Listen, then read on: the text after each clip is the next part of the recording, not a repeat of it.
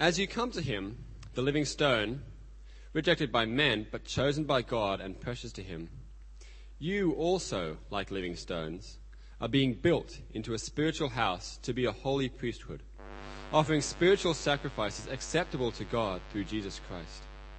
For in the scripture it says, See, I lay a stone in Zion, a chosen and precious cornerstone, and the one who trusts in him will never be put to shame.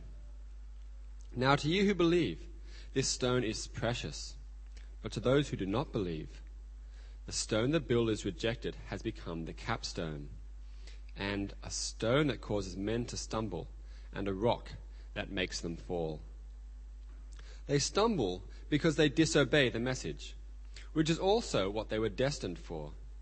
But you are a chosen people, a royal priesthood, a holy nation, a people belonging to God, that you may declare the praises of him who called you out of darkness into his wonderful light.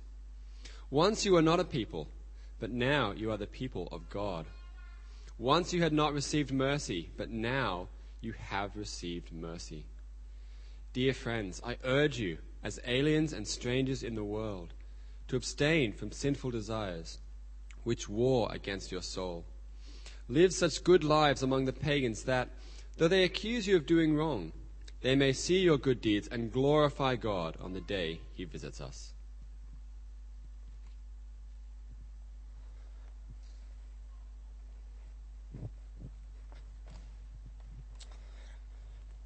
Thanks, Sam. We, uh, we've been looking at a, a, series, we call it Mission Impossible. We're thinking about uh, God's mission and then what that looks like for us and the mission that we're called to. Uh, we call it Mission Impossible because ultimately this is a mission that, uh, uh, done just by us, it is impossible. But uh, it's not impossible with God because this is, his, this is God's mission. And as we said, we're finishing the series up next week, extending our reach to think about world mission. But as we think about that idea of, of mission, our mission, well, actually, uh, uh, our vision as a church is to share the new life of Jesus with the world. And so uh, we, we have a, a, breakdown of that as we think about our mission. But, but ultimately, sharing Jesus is what we're on about.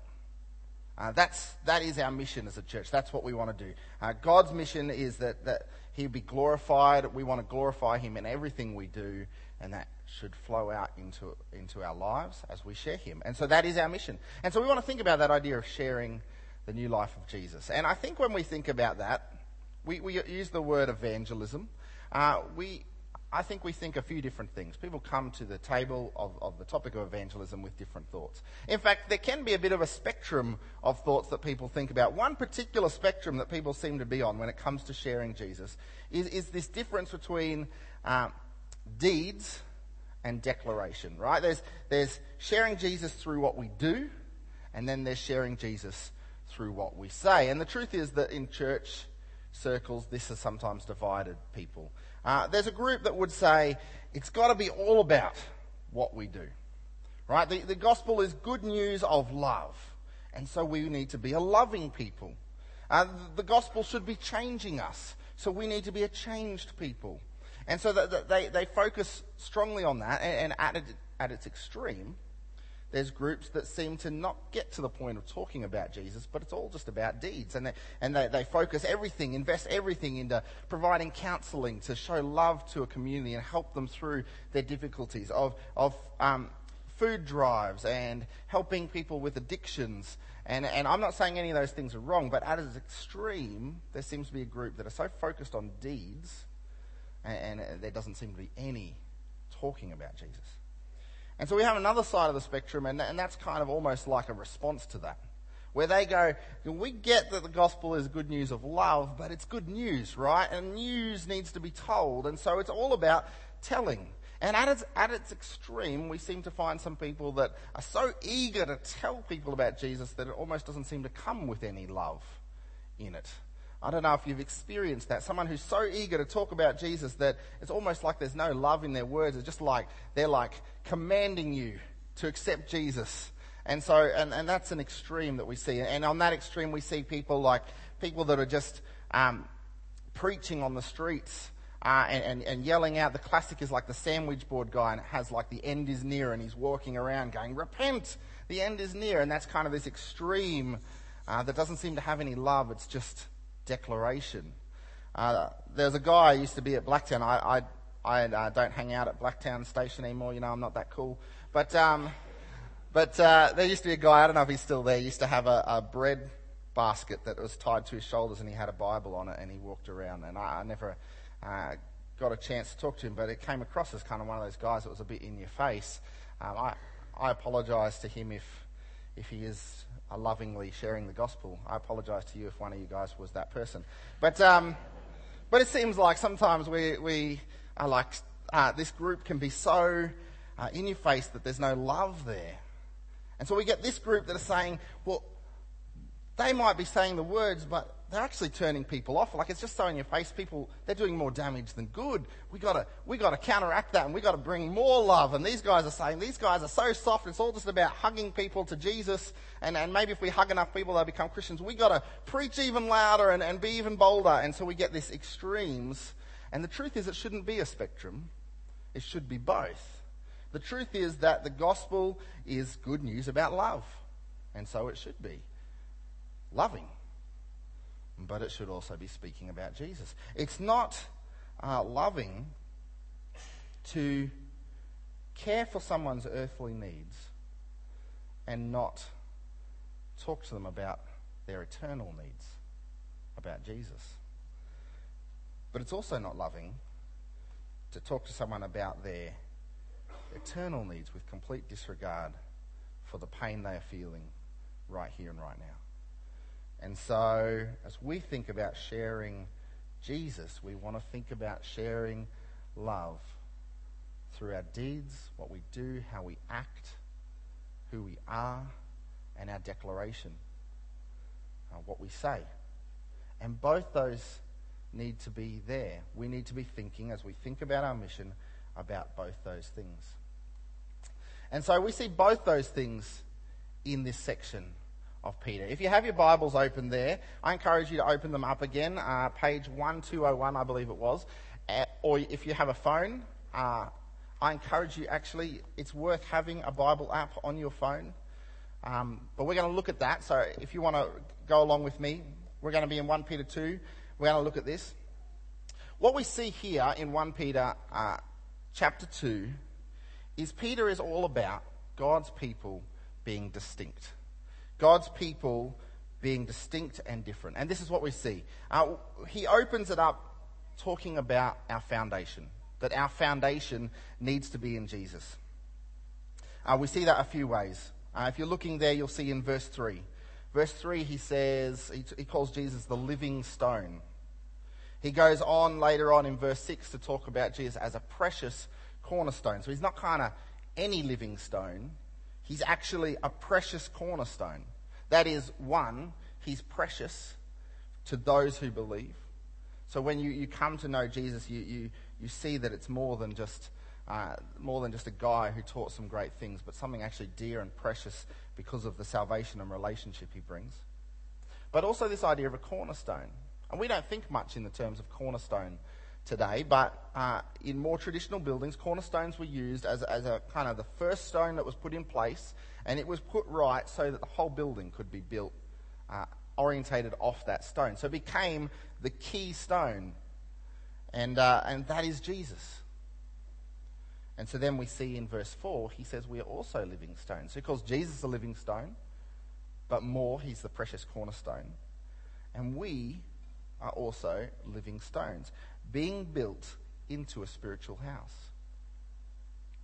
What we see here, Peter is saying that we are to be something special. We are, are to be something different. And God is doing that through, through us as we grow because as, when we're founded on Jesus. What we see is Christians are to be distinct. And that distinction should lead on to declaration.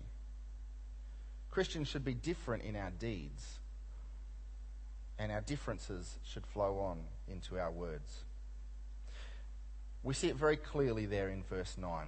Look with me in verse 9. He says very clearly, God's people are to be distinct. Uh, you are a chosen people, a royal priesthood, a holy nation, a people belonging to God, or, or God's special people. You are to be distinct. We see that very clearly. Why? For what purpose? Well, the verse continues. It says, That you may declare the praises of him who called you out of darkness into his wonderful light. We are to be distinct. Why? That we might declare. Our distinction, being different as God's people, should move on to declaration. And, I want to talk about and unpack that a little bit more tonight because I think that is significant as we think about being a people on about a mission, being a people that are, are seeking to share Jesus. We want to have both those things. So we're going to, we're going to mine that verse a little bit tonight. Uh, uh, 1 Peter chapter 2 verse 9. I want to look specifically at the distinctions we see there, uh, starting off with the idea of being chosen. We're told you are a chosen people. Being chosen is a massively significant thing as a Christian. It's, it's a massively significant truth. It's also a truth that confuses us as we think, think it through. This idea that God chooses who is called to him. God chooses those that have come to him. That, that becomes difficult because we can clearly, we clearly understand that we, we become a Christian when we make a decision, right? To, to follow Jesus. And so that decision is ours. We've made that decision to come to Jesus. We understand that. But the, time and time again, the Bible tells us no, God chooses those who come to him. And the, the truth is, it, it does our head in trying to think about it. We use the, the phrase, uh, the term, the doctrine of predestination. It's a good one to throw at your youth group leaders when you just want to throw a study straight off track. Uh, it's just one of those ones that are just difficult to get your head around to understand. But it, it is actually very significant as we think about our salvation. Let, let, me, let me take you to two, two places in the Bible where we, we pick up on some of this. Uh, for example, thinking about the idea that people make a decision to come to Christ, we have something like right at the beginning of the Gospel of John. Gospel of John, chapter 1, verse 12, uh, says, uh, But to all who did receive him, who believed in his name, he gave the right to become children of God. What we see there is a process of someone making a decision, right? Someone has received him. How do you gain the right to become children of God? How does God give you the right to become children of God? You're receiving him. You're believing in his name. There's something that we are doing when we come to faith in Christ. We are involved in that process. Now, it's very clear that God is giving the right to become children of God. Even in that verse, we see very clearly God is at work in this. But people have a, a, a decision to make to receive him or not receive him, to, to accept Jesus or reject Jesus. And so we're involved in that. But then as we follow through the Gospel of John and we get to chapter 15, Jesus is talking to his disciples and he says this You did not choose me, but I chose you and appointed you that you would go and bear fruit. Right? Jesus clearly says, It wasn't your choice to be one of my disciples. I chose you. Now, we see that even in our own lives, but if we apply that directly to the disciples, even that's confusing because there's clearly moments where the disciples make decisions to follow Jesus. But both these things are true. We are a chosen people. And it is very significant. Why is it significant? Because it impacts our assurance in our faith and it impacts our role in sharing the new life of Jesus with people. Right? It impacts our assurance in our faith. That is, how can we be confident that we are saved? We can be confident because we know it's not our own work. Right? If, if our, our assurance in our faith is completely in us, even in us making the decision to be a follower of Jesus, then what happens when we question that? What, if, if you have a moment of doubt, does that mean for that moment you don't, you know, get hit by a bus in that moment you're not a Christian? No, it doesn't. Uh, because God is at work in us. Uh, what happens when you slip up and you, you, make, you sin and you do the wrong thing? Does that mean that until you get to the point where you quickly come and, and uh, repent and come back to God, you, you would not go to heaven. No, that's not what it means. Because we have this assurance, because it is the work of God. Even before someone accepts the gospel, God is at work. The Holy Spirit is at work in their hearts, helping them understand it. In fact, Peter tells us here to those who are not with Jesus, he becomes a stumbling block, right? The same stone that is the cornerstone that we build our lives on to someone else is the stone that causes them to trip because they have rejected God, because the Holy Spirit has not working in their hearts that way. It's, it's a key in our assurance and it's key in our role as we share Jesus. Because if we remember that people coming to faith in Christ is the work of the Holy Spirit and not our work, it changes what our job is when we're sharing Jesus. It means that you can't trick someone into becoming a Christian, right? You can't say, you can't say, uh, those who accept Jesus say, what? And you go, what? And you go, yeah. uh, you're a Christian, done. You can't do that, right? It doesn't work like that. It's not, it's not you pray a magic prayer and if you, you get them emotional enough and get them engaged in that moment and they, they, they say, I want to accept Jesus, it's done, dusted. It needs to be genuine. It needs to be the work of the Holy Spirit in their hearts. And so that changes our role a little bit. It means that our job is to share Jesus, but our job is not to make people accept Jesus. It raises the significance of prayer in our mission. Something we've been working on, I, I, know some life groups have already looked at this. We've been working on something we call Simply Connect as a church.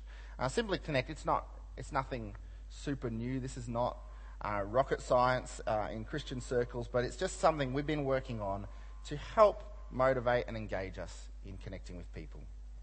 Uh, Simply Connect, you can see it on the screen there. We, have put together what we think are four simple steps to try help us uh, be active in mission.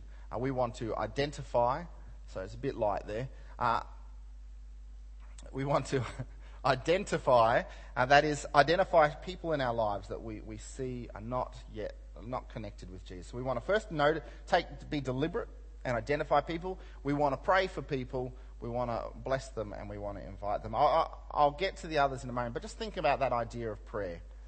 Uh, we think it's, it's a critical step in sharing Jesus with people. If, if people coming to faith is the work of the Holy Spirit in their hearts, then we need to be praying. We need to be praying that God would have mercy on them and be working in their lives that they might see clearly. We need to be praying that we will have the opportunities and the moments that we can share Jesus genuinely with them. These are things we need to be praying about. And we see clearly in the Bible that God partners with his people in prayer through those things. Uh, for example, uh, I shared this, uh, used this a couple of weeks ago when we were talking about prayer, but uh, at Mount Sinai, you might remember the story at Mount Sinai. Uh, Moses goes up on a mountain, it's where he gets the, the um, Ten Commandments.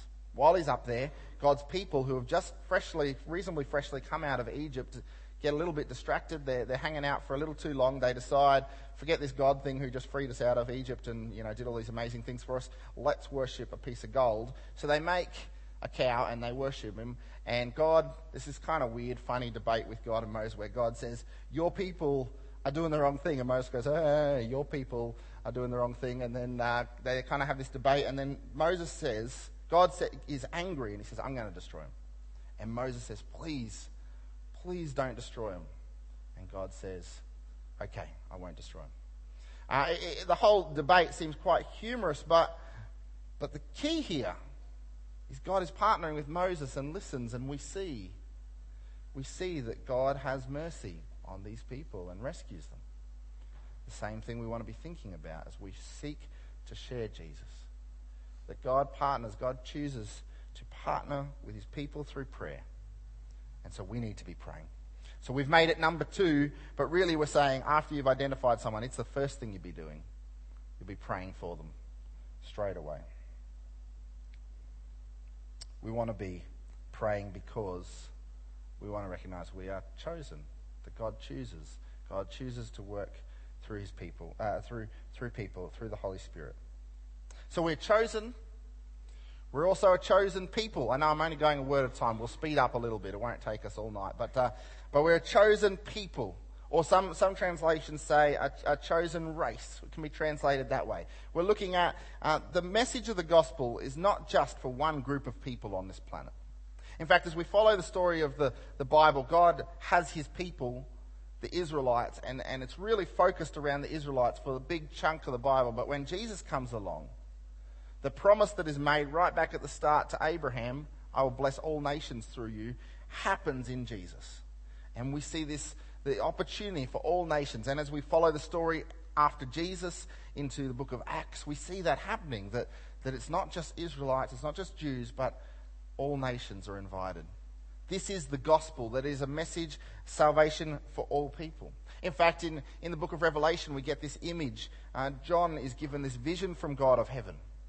And Revelation 7, he's given this vision of this multitude before the throne, and he says very clearly, this multitude that are in heaven before the throne are made up of people from every nation. This is the gospel message. We are a chosen people. We want to be characterized as a people who unite no matter our differences. We want to be a people that when, when others look in at us from the outside, they say, those guys just, those, those, those guys are just accepting everyone, no matter where they come from, no matter what their background, no matter what their heritage. They're accepting them and loving them. That's the kind of people we want to be. Because that is what we're called to. We want to be distinct.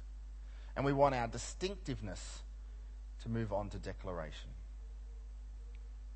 We want to be distinct because we're God's chosen people, and that should lead on to declaration. Moving on, we, we see that we're a royal priesthood. We are a people with purpose. That's what that means. So when we look at the Old Testament, the, the priests are a group of people that, uh, that have a job, right? They're from the tribe of Levi. They, they have a job in Israel. And their job is to uh, bring people to God, or to bridge that gap between people and God. Right? People come to the temple with their sacrifices, and the priests are the facilitators of that law so that they can be reconnected to God, so that they can offer their sacrifices to God. Now, we don't do that, right? We're a royal priesthood, but we're not, you know, offering sacrifices like that. Why are we not offering sacrifices if this were this royal priesthood? The answer is because Jesus is that sacrifice. In Jesus, we see uh, the perfect lamb.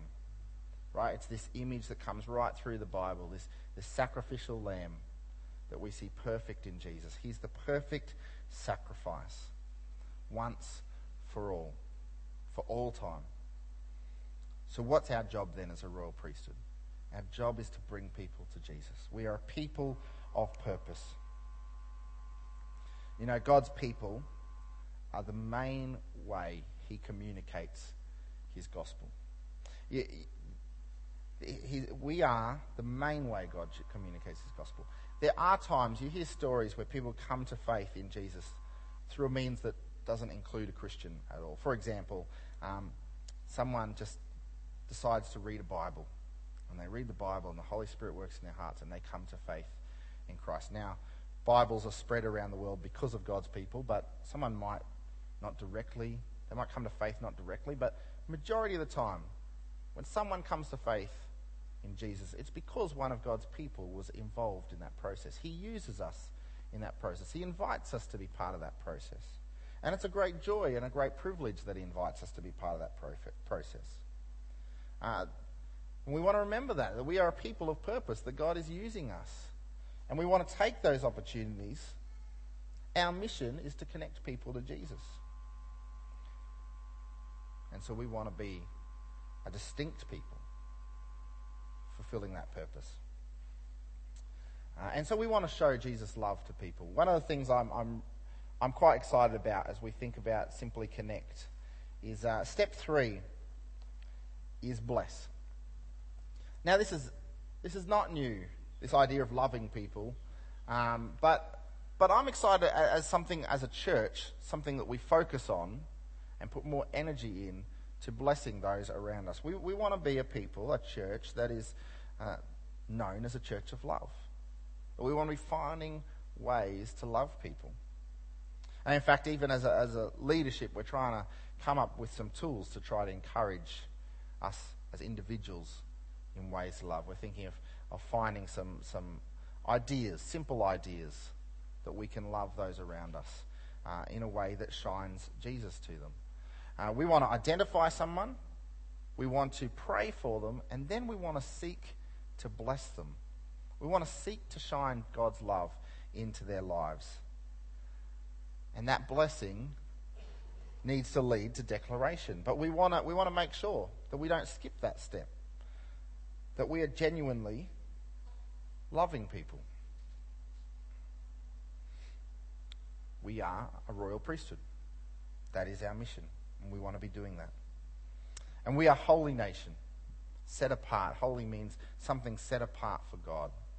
We want to say, we want to remember that we are a holy nation, that we should be distinctly characterized as God's people.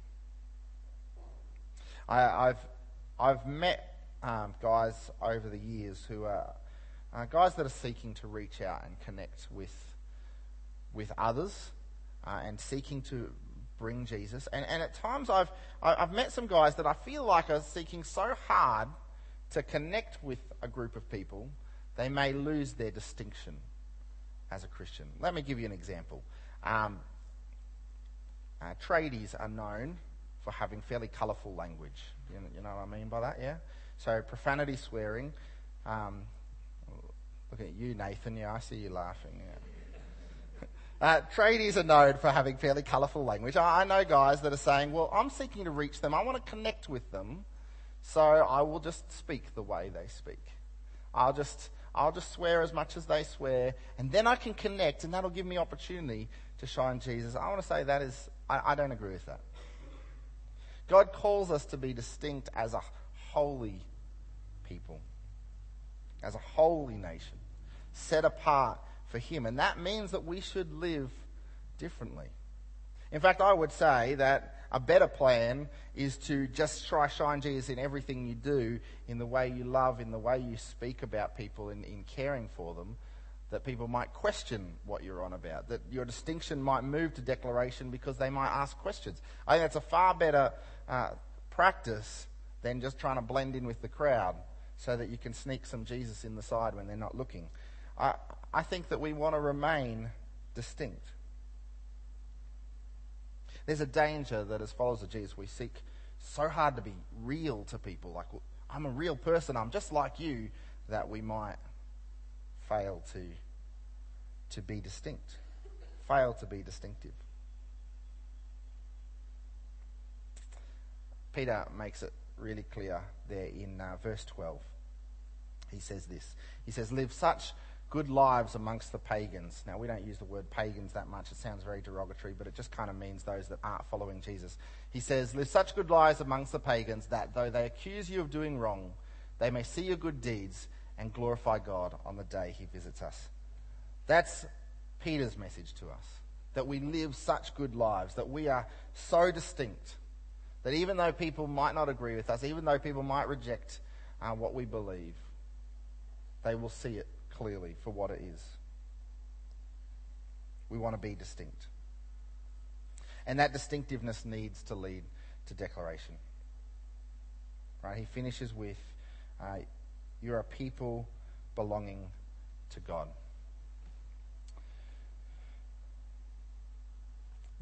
And so, uh, why are we to be distinct? What is it all about? It, it needs to lead to declaration, right? We read it there before. Verse 9 that you may declare the praises of him that calls you out of darkness into his wonderful life. I've been spending a lot of time talking about deeds, about what we do, but we want to remember that's not where it stops. Uh, the very next verse, the ne- very next half of that verse, is very clear. We need to be, be declaring. Now, I, there is no other way to declare, really, I think, than communicating explicitly right? If it's not with words via your voice or SMS or something like that, the only other way you could declare without words is sign language, right? It needs to be some sort of words, it needs to be some sort of communication. And we want to make sure that our distinctiveness flows on to declaration. Uh, the, the fourth step of Simply Connect, we, we use the word invite. And that's what we mean by the word invite. We mean inviting someone to take sm- simple steps to Jesus. What we don't mean by invite is necessarily invite them to an event or, or to church, although that may be the right step for them. But I'm talking about just inviting people to take steps towards Jesus. Looking at interacting with people in your life and having genuine conversations with them. It might be an invitation to just talk more about Jesus. It might be an invitation to come to an event where they'll hear more about Jesus. It might be an invitation to connect with your, your Christian friends and, and start building more relationships, more people praying for them. We want to make our, we want our distinction to move to declaration. And we want to be a church that is distinct, distinctively God's people, shown in our actions, in the way we are holy and in the way we love. But we want that distinction to move into loving conversations about Jesus. It's not loving to care for someone's needs, earthly needs, not tell them about their eternal needs, but it's also not loving to tell them about their eternal needs and not care for their earthly needs. We want to be a church that is loving in both those ways. Our distinction should move on to declaration. Let me pray.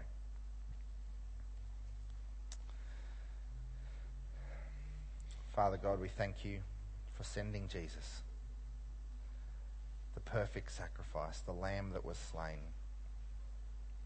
We thank you for the great privilege you have given us in sharing that, in using us, in partnering with us to share your saving grace.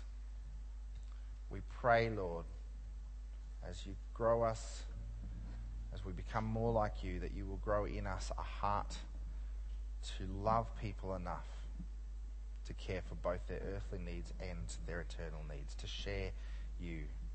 We pray that you'll strengthen our boldness and, and, our, our, and help us see the tools we have, the opportunities we have to share you. In your name. Amen.